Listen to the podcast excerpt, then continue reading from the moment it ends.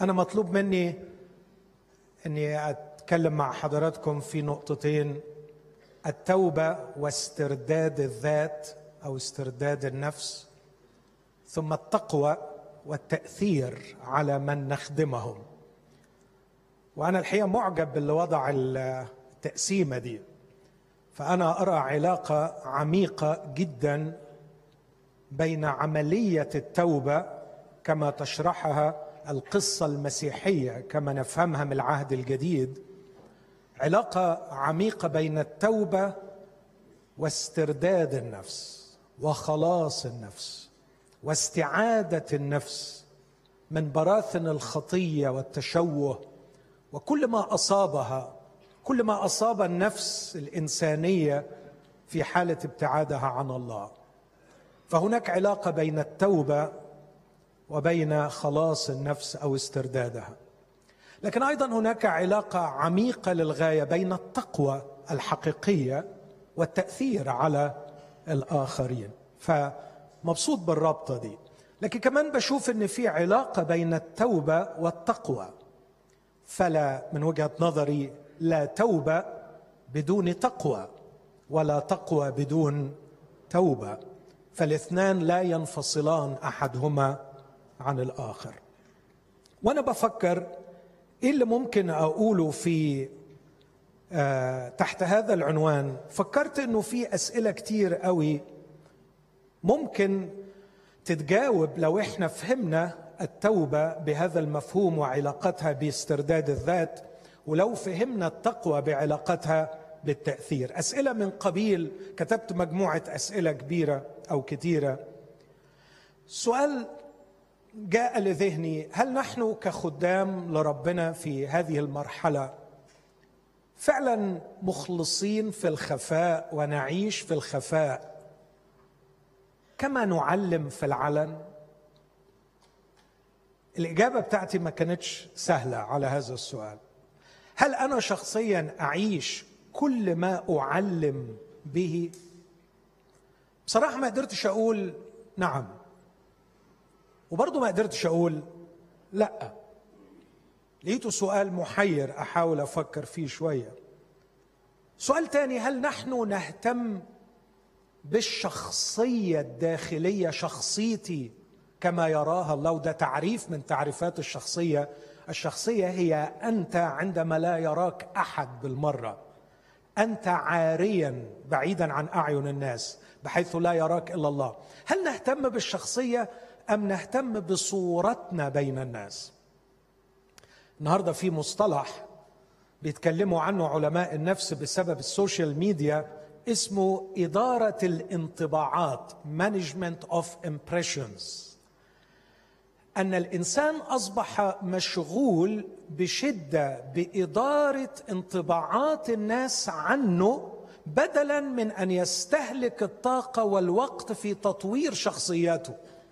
هقول تاني الفكرة ان الواحد بدل ما ينفق الطاقة والوقت في تطوير نفسه في تطوير شخصيته أصبح يستهلك كل طاقته في إدارة انطباعات الناس عنه. ففي كل شيء بيتوقع الامبريشن الانطباع اللي هياخدوه عني وأبقى مشغول بإدارة هذه الانطباعات أعليها أحسنها أجملها. أخليهم ينط... يأخذوا الانطباع اللي أنا عايزه ياخدوه عني. سؤال ثالث ورد لذهني. ودي كلها أسئلة ممكن تتجاوب لو فهمنا العلاقة بين الاثنين وأحاول إن أنا أوضح في النهاية. هل نحن نحب الناس الذين نخدمهم محبه حقيقية؟ أم أننا نستعملهم؟ نستعملهم مجالا لإشباع احتياجاتنا الاجتماعية لإشباع احتياجاتنا النفسية. أحيانا نستغلهم بصورة لا أخلاقية سيحاسبنا الله عليها. شئنا ام أبينا.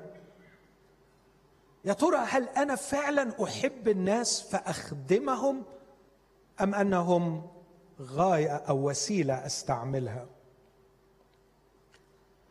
سؤال آخر جه لذهني. وأنا بفكر في التوبة الحقيقية هل نحن عقلانيون؟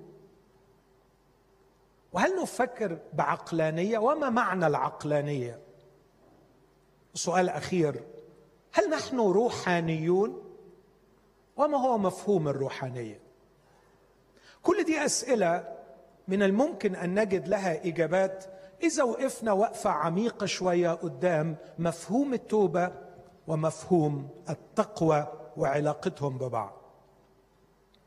كلمة التوبة في اللغة العربية بتحصر في فكرة الرجوع إلى الله. بتحصر في منطقة فعل وفعل عودة. لكن القصة المسيحية الإيمان المسيحي يتكلم عن التوبة بمفهوم آخر مش بس متضمن في معنى الكلمة اليونانية إذا فهمناها فهم صحيح لكن مفروش على صفحات العهد الجديد بما يعطي هذا المعنى. نعم التوبة فعل لكنها ليست مجرد فعل في العهد الجديد إنها في المقام الأول فكر. التوبة فكر. قبل أن تكون فعل والتوبة حاله وليست مجرد حدث. إنها حالة إنسانية روحية فكرية يصل إليها الشخص بسبب استنارة إلهية ويعيش فيها بقية عمره. كلمة التوبة في اليونانية متى نويا. و meta زي ما بنقول physics and metaphysics فوق أرسطو لما قسم الكتب بتاعت أفلاطون جمع كل كتبه في ال physics وحطها وبعدين حط فوقيها ما يتكلم عن ما هو وراء الطبيعة فسماها metaphysics فوق وكلمة نويا تعني عقل. وكأن الروح القدس يريد أن يقول أن حالة التوبة هي أن تخضع عقلك لفحصك. فترى كيف يعمل كيف يتفاعل كيف يقرأ الواقع كيف يجيب عن أهم الأسئلة في الحياة. فأنت خلاصة ما تفكر فيه. بلغة عصر الذكاء الاصطناعي إيه هو ال operating system بتاعك؟ إيه هو ال software اللي مشغلك؟ انت في الآخر كل القرارات اللي بتاخدها كل اللي بتقول عليه حلو واللي بتقول عليه وحش كل اللي بتشتهيه واللي بترفضه كل اللي بتقرر تقتنيه أو تتخلص منه مبني كلية على قناعات فكرية. والسؤال هل أخضعت هذه القناعات للفحص؟ هل راجعتها إن عملية التوبة ميتانويا هي أن أعلو فوق عقلي الذي يسيرني لكي أراجعه. عشان كده بقول هي مش رجوع عن الفعل الخطأ هي تغيير العقل الرابض وراء الفعل الخطأ. التوبة عن الزنا مش إنك تلطش روحك ألمين وتتعهد تعهدين وتقول تعهدت إني مش هعمل الخطية دي تاني. ده كويس ومطلوب. ويا ريت تدي روحك أربع أقلام مش قلمين. لكن مش هتخلص منها بالطريقة دي. لكن أحتاج إلى عمل إلهي داخلي يغير قناعاتي الفكرية من جهة الجنس ومن جهة المرأة ومن جهة المتعة ومن جهة الرسالة في الحياة ومن جهة الشهادة لله ومن جهة الزرع والحصاد. محتاج عملية تغيير للفكر. إن كلمة الله عندما تسقط بأشعتها العظيمة من معلمين وخدام أمناء لله ومن خلال الشركة المسيحية الحقيقية أعيش حالة مستمرة من فحص المعتقدات التي اعتقدتها من جهة الأشياء المختلفة وأكون أمينا فأغيرها. وبالتالي أعيش حالة التوبة.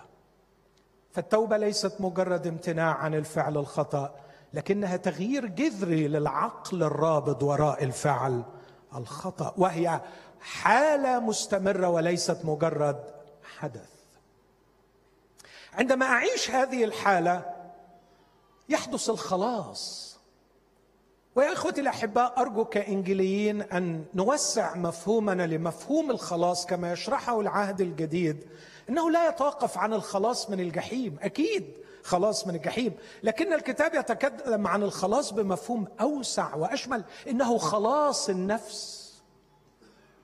النفس التي تشوهت وتحطمت وفسدت. كتير قوي لما بشوف برنامج في التلفزيون أو لما بشوف الناس في الشارع بقول يا خساره غاب الإنسان ضاع الإنسان مات الإنسان.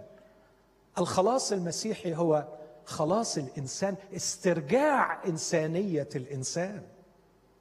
بحب أكرر كتير لما بقول للشاب يسوع يخلصك يعني يجعلك إنسانا ويجعلك نفسك يخلص نفسك. يريستور ماي سول يسترجع لي نفسي.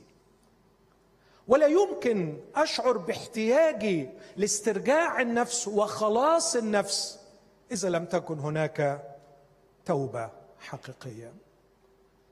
أعتقد أن هذه اللحظة الجميلة لحظة الاستنارة بقراءة جيدة للواقع ومراجعة للمعتقدات الفكرية الغبية التي جعلته يتخذ أغبى قرار في حياته عندما جمع كل ماله وذهب إلى كورة بعيدة. ما كانش هناك حالة انفعالية عاطفية شديدة جعلته يتخذ قرارا بالعودة لكن كانت هناك إعادة للحسابات الفكرية التي حكمته المنطق الذي حكمه في الخروج من بيت ابيه عندما رأى نتائجه المدمرة. كم من أجير لأبي يفضل عنه الخبز وأنا هنا أهلك جوعا. أنا أنا أنا كنت غبي في الحسابات بتاعتي. مراجعة فكرية ميتانويا ركب على عقله من جديد. وعشان كده الكتاب يقول رجع إلى نفسه رجع لعقله. لكن الأمر اكتمل بعدما أخذ هذا القرار بحثا عن الطعام بسبب معاناته من غباء القرار الذي اتخذه. وعاد إلى أبيه. حدثت استنارة أخرى. فوجئ إنه برائحة الخنازير مغمورا بالقبلات في حضن أبيه. فحدث تغيير أعمق وأعظم. إيه ده؟ ده أبويا مختلف تماما عن الصورة الغبية اللي أنا كنت حاططها له في ذهني. أبويا حلو. أبويا يتحب. أبويا يتعاشر. أبويا يتعاش معاه. فغير قناعاته عن أبيه. وهنا حدثت التوبة الحقيقية. لكن البداية كانت في مراجعة. وأنا أناشد كل خادم وأناشد كل أخ وكل أخت لي وأقول يا احبائي دعونا لا نكتفي بهذه الدموع وبهذه الانفعالات وبهذا الصراخ اللي بيخلينا نتعهد ونقرر إن إحنا نتوب. اهدوا الله يطول عمركم. وراجعوا القناعات التي أدت بكم. وأدت بنا إلى الخطايا التي نرتكبها. وليكن الغرض الكبير الذي نسعى إليه عايز أبقى شخص كويس عايز أسترد نفسي عايز أبقى حلو عايز أبقى إنسان وعايز أكون نفسي. هذه التوبة التي تستمر طول العمر تغيروا عن شكلكم بتجديد أذهانكم. الله خلصنا تيتوس اثنين بغسل الميلاد الثاني. هذا حدث مرة لكن كملت الآية. وتجديد الروح القدس وهذه مستمرة طول العمر.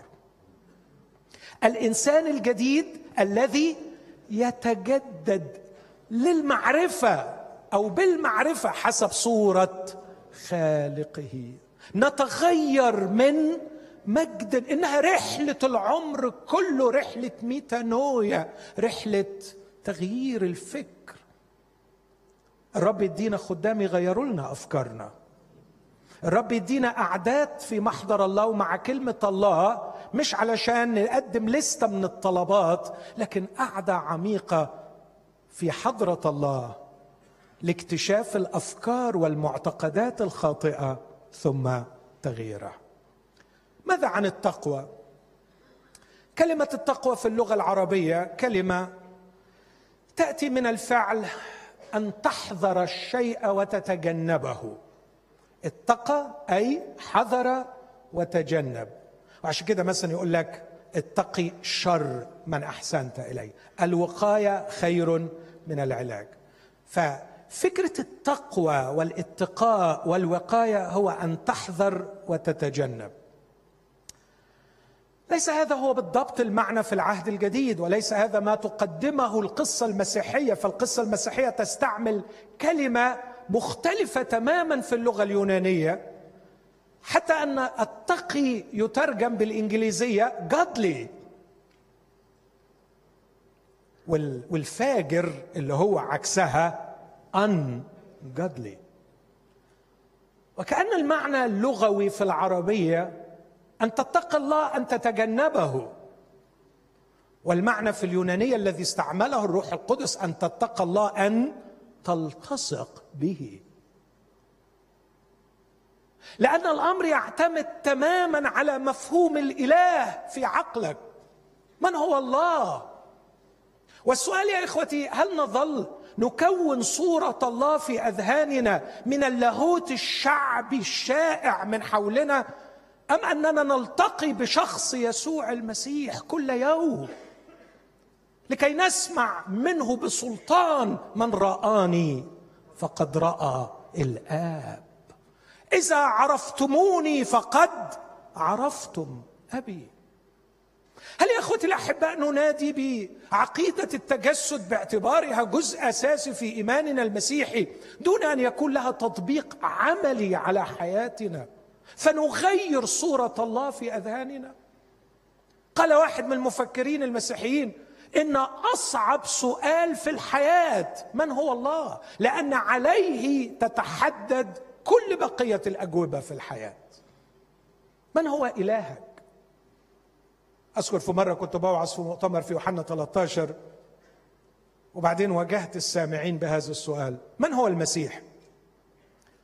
كانت الإجابة بسهولة وبجرأة هو الله. قلت لهم من الذي انحنى وغسل الأقدام ولا واحد قدر ينطق؟ قالوا لي يسوع المسيح. عدت السؤال تاني من هو المسيح؟ هو الله. من الذي انحنى وغسل الأقدام في العليه قالوا يسوع المسيح. صعب علينا.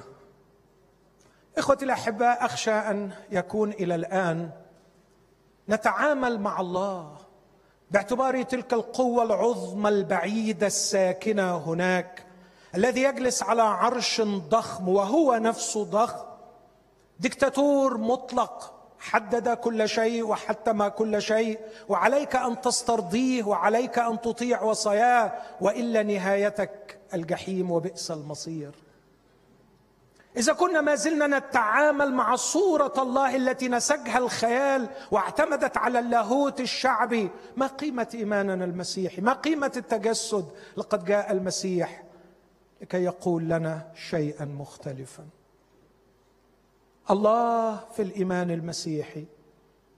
هو هذا الأب الذي يخرج من بيته راكدا. يرقد. أقف بخشوع أمام سيد المسيح وأقول له ألم تخشى أن تصف الله بهذه الصورة؟ رجل يرقد في الشوارع. ويغمر ابنه الفاسد بحضن وقبلات. يقول لي لا لا أخشى هذا هو الله. هذا هو أبي الذي لم تعرفوه. أبي الذي عندما جعل الوصية جعلها لأجل الإنسان وليس الإنسان من أجل الوصية. الآب الذي هكذا أحب حتى بذل حتى أعطى. من هو الله في أذهاننا؟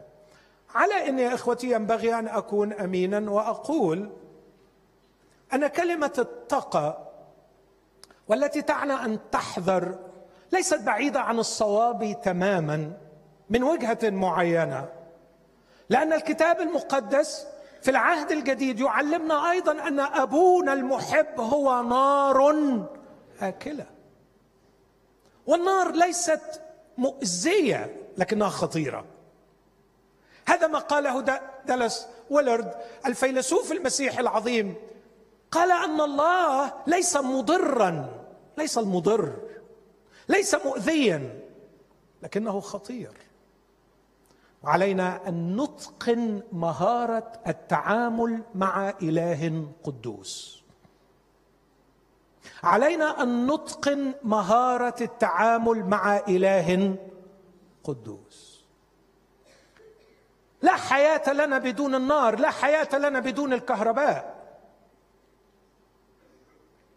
نحن نحتاج إليها بشدة نحن نستعملها نحن لا نستغني عنها. لكن لا تنسوا أن التلاعب مع النار أو الكهرباء من الممكن أن يدمر. وأنا نفسي أقول إن اللعب مع ربنا بيدمر.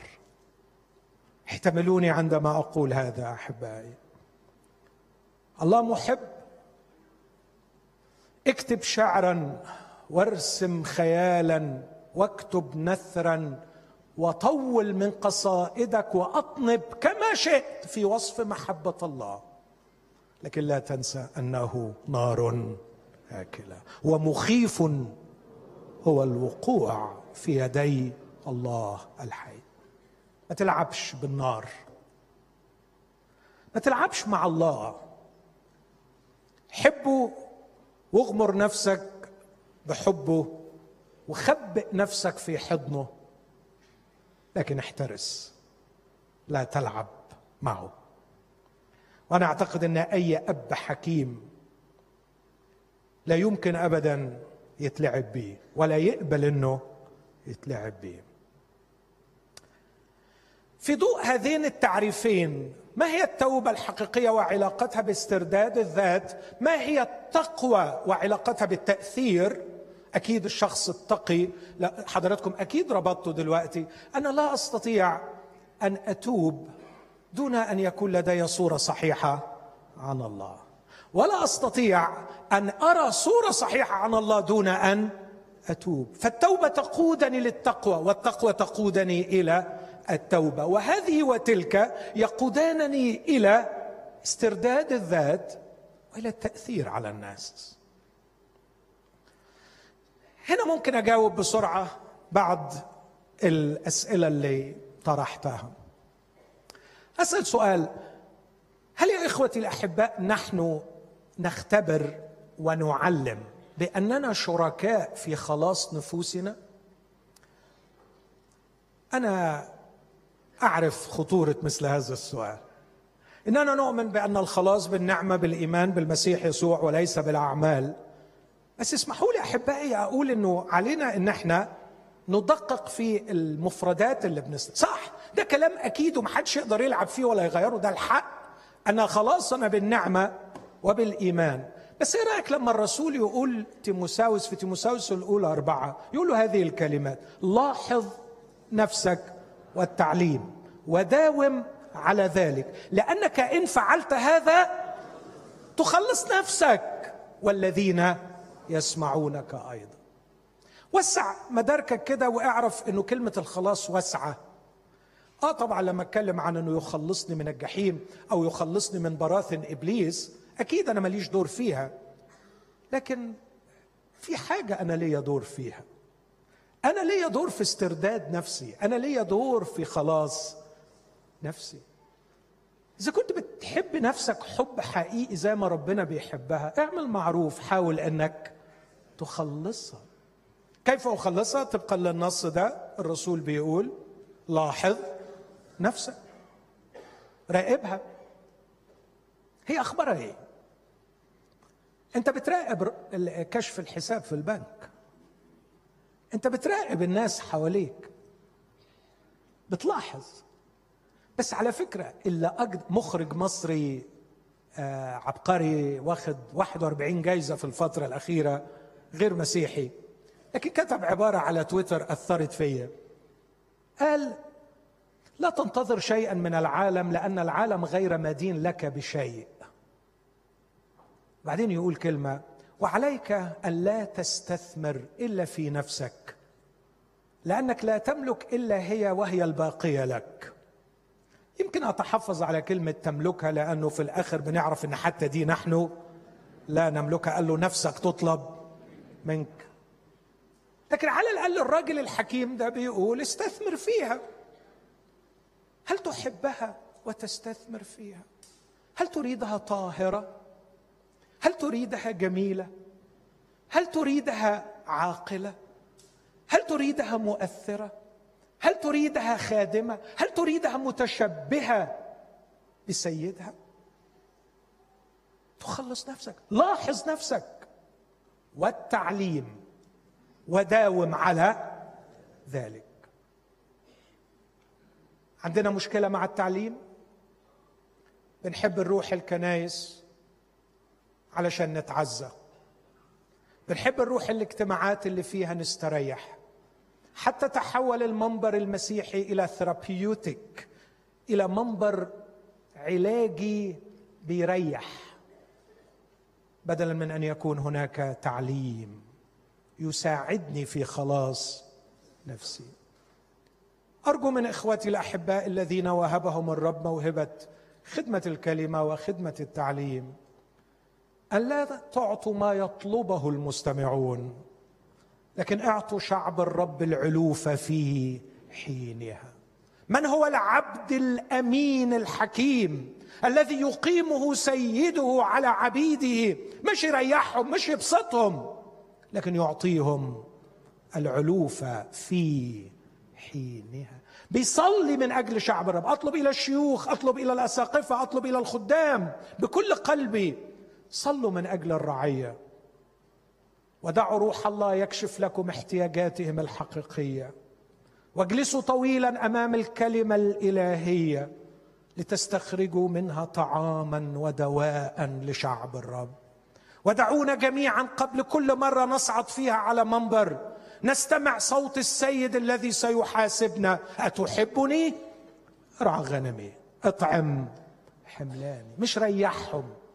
مش ابسطهم سنعطي حسابا عن كل نفس. عندما قدم الرسول النصيحة للشيوخ في عبرانيين 13 قال لهم اخضعوا لهؤلاء الشيوخ اخضعوا للمرشدين. اسمع الآية لأنهم يسهرون على نفوسكم كأنهم سيعطون حسابا. بيسهروا على حالة النفس.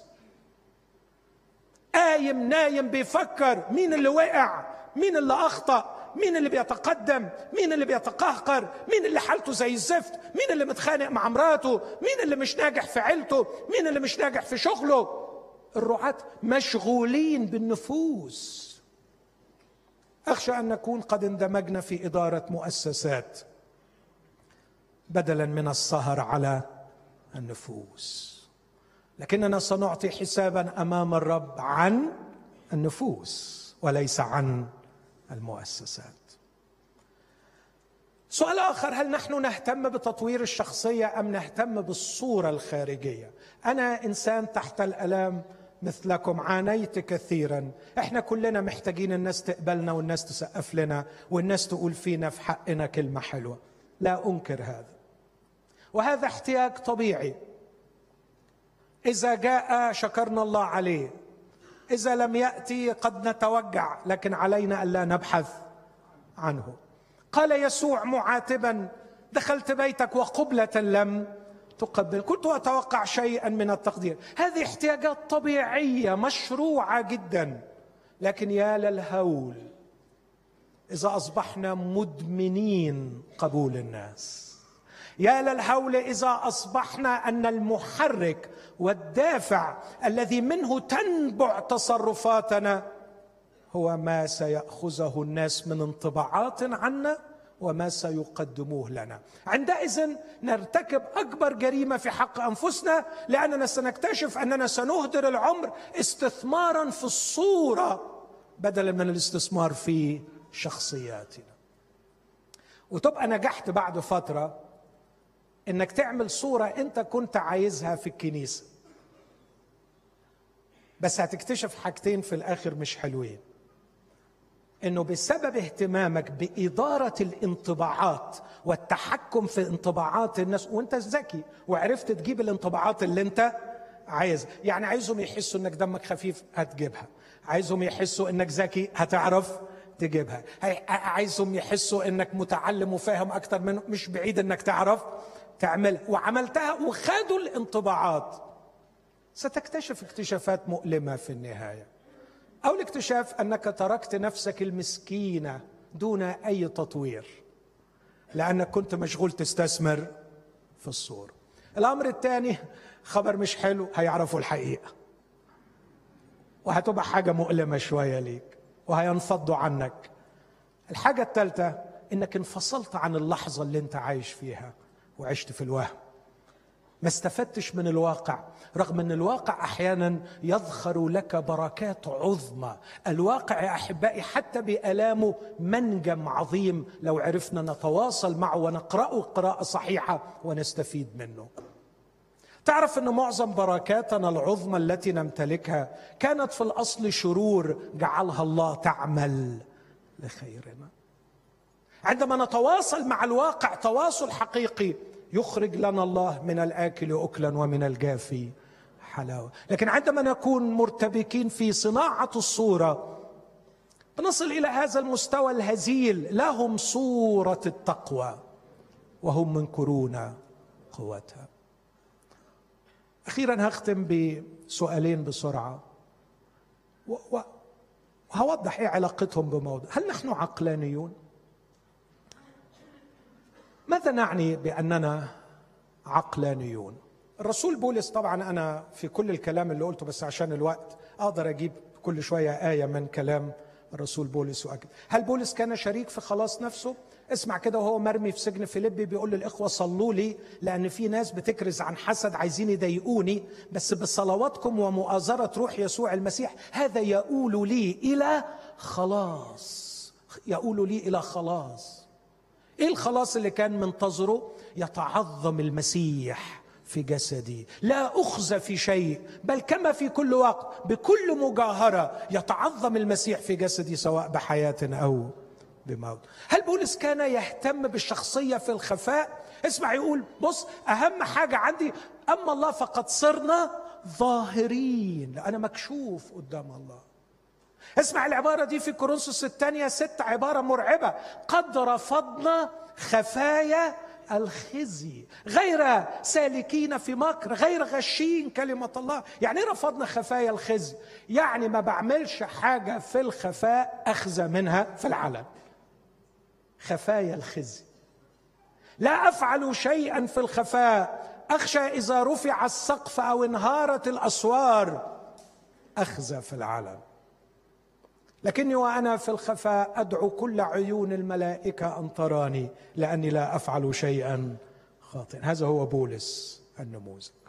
أرجع واقول هل نحن عقلانيون؟ وهل كان بولس عقلاني بسبب التوبة وبسبب التقوى؟ إجابتي نعم. بشرط أن نفهم ماذا نقصد بالعقلانية. إذا كنا نقصد بالعقلانية هي عقلانية الحداثة بمعنى أن كل شيء في الواقع يفسره المنطق والعقل. لا يوجد شيء معجزي لا يوجد شيء فوق طبيعي لا توجد حياة بعد الموت. وده اللي التعبير فلسفيا هو يقصد به كده. وأن المنطق هو مفتاح كل الأسرار وأن العلم سيفسر كل شيء. عايز أقول لك اقرأ للناس الملحدين المحترمين. اقرأ لواحد زي ديفيد برلينسكي وهذا فيلسوف كبير من برينستون و... و... و... وأستاذ كبير في معهد العلم والثقافة في أمريكا. يكتب يقول إن هذا هراء. نحن لا نستطيع أن نفسر كل شيء بالمنطق. العلم لن يستطيع أن يفسر كل شيء. هناك أشياء وراء الطبيعة. العلم له مجال الذي نجل ونحترمه.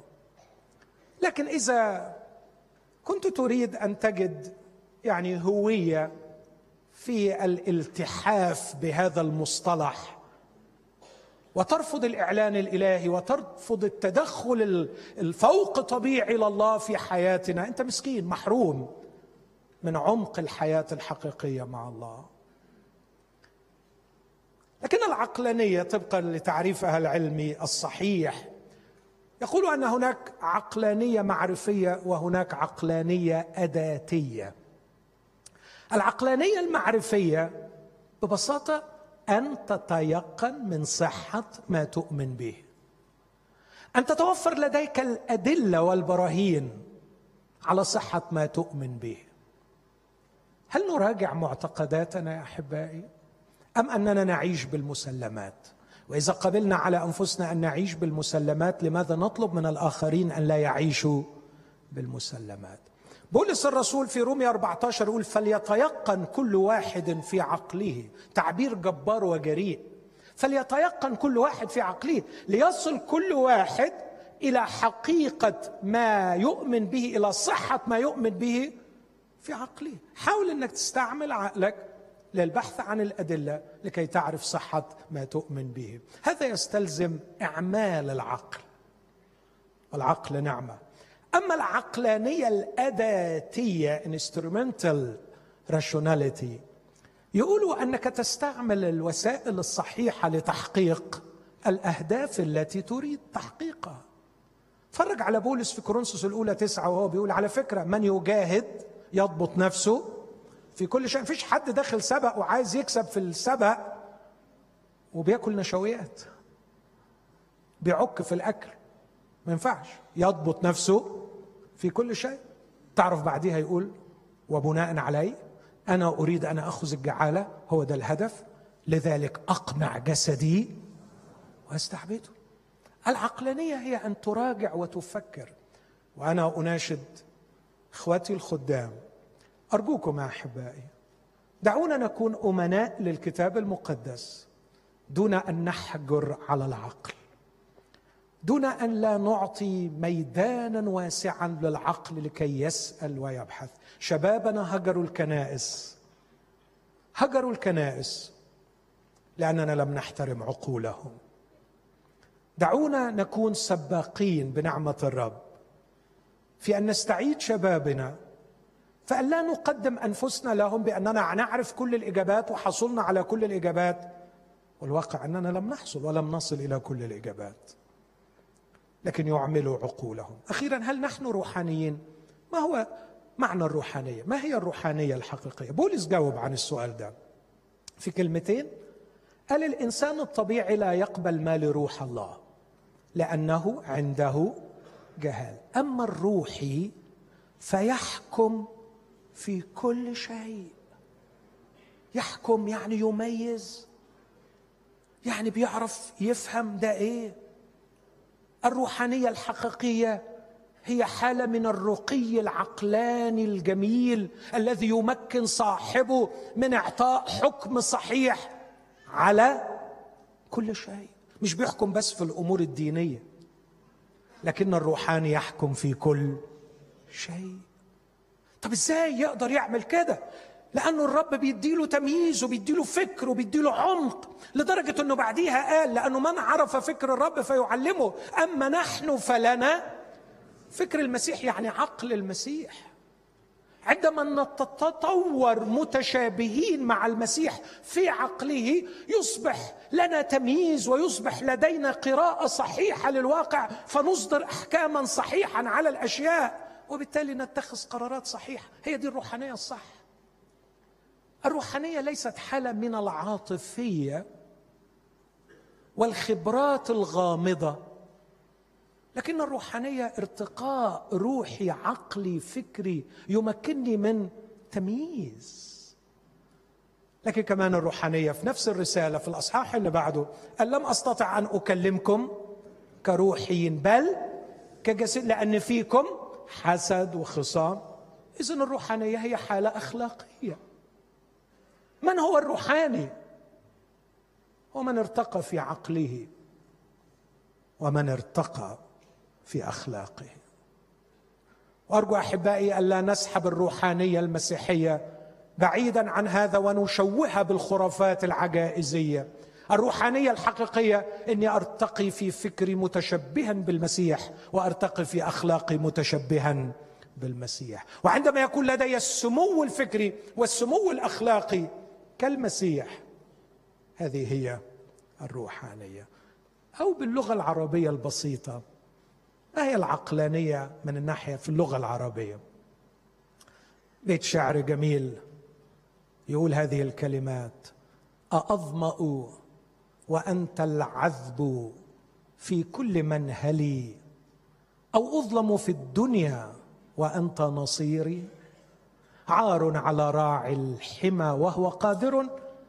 إذا ضاع في البيداء عقال بعيري. ده بيت شعر. هو ده بس اللي عزاكم.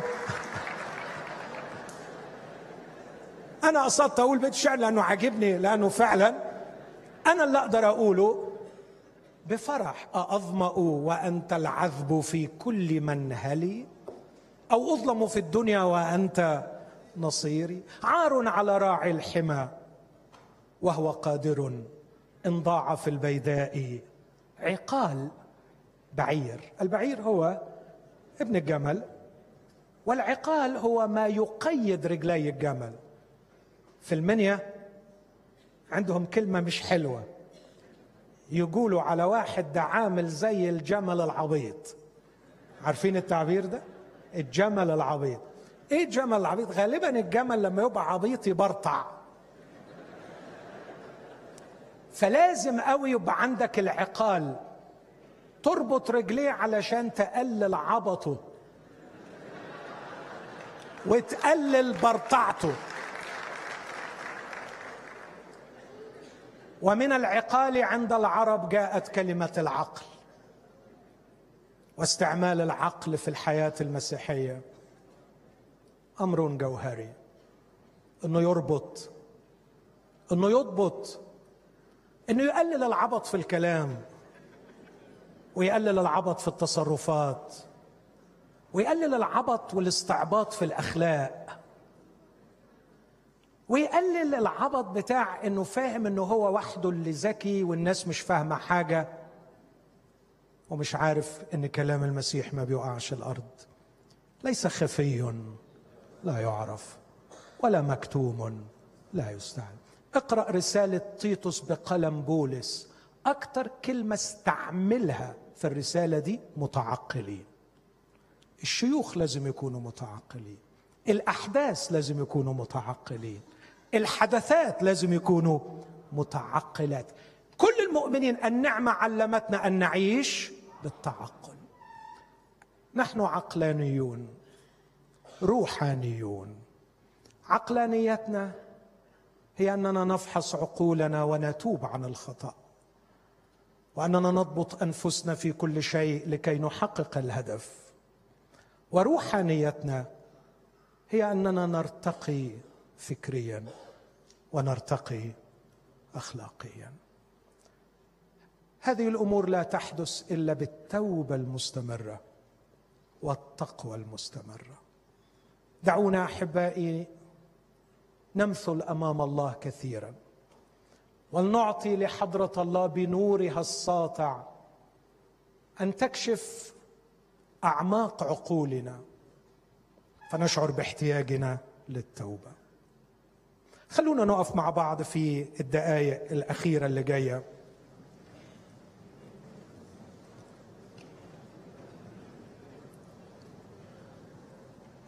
خلونا في اللحظات دي فعلا يكون لقاء شخصي بين كل واحد فينا والرب.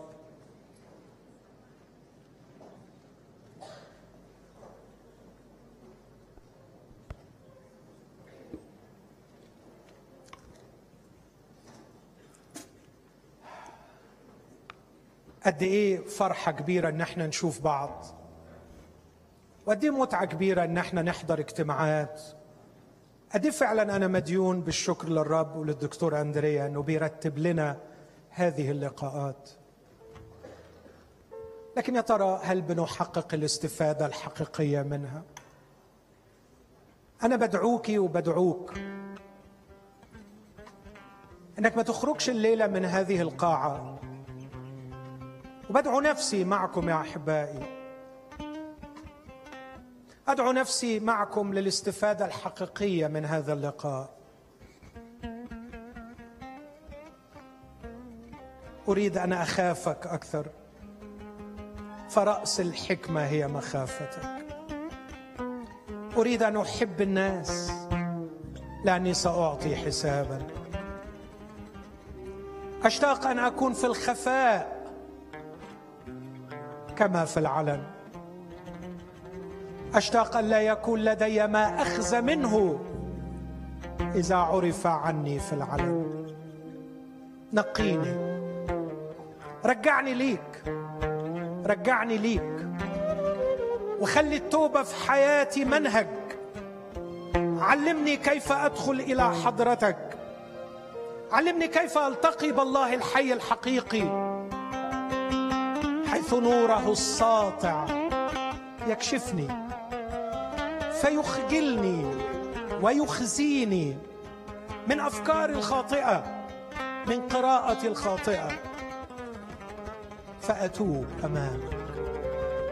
علمني التقيق أمام أولادي التقيق أمام زوجتي التقيق وأنا على المنبر والتقيق وأنا في غرفة نومي. علمني كيف أعيش أمامك يا رب. وأنا بين الناس. أنقل إليهم حضورك. أؤثر فيهم. اجذبهم إليك. فهذه هي رسالتي في الحياة. أصطاد الناس. بأن أحولهم من ظلمات إلى نور. ومن سلطان الشيطان إلى الله. ارجع إليك فأرجعهم إليك. أعود إليك فيعودهم إليك. اطلب من الرب إن الليلة يبقى فيه لقاء حقيقي. واتجاه جديد ومنهج جديد في حياتك. توبة وتقوى تقوى وتوبة. استرداد وتأثير تأثير واسترداد. وأعيش هكذا كل أيام الحياة.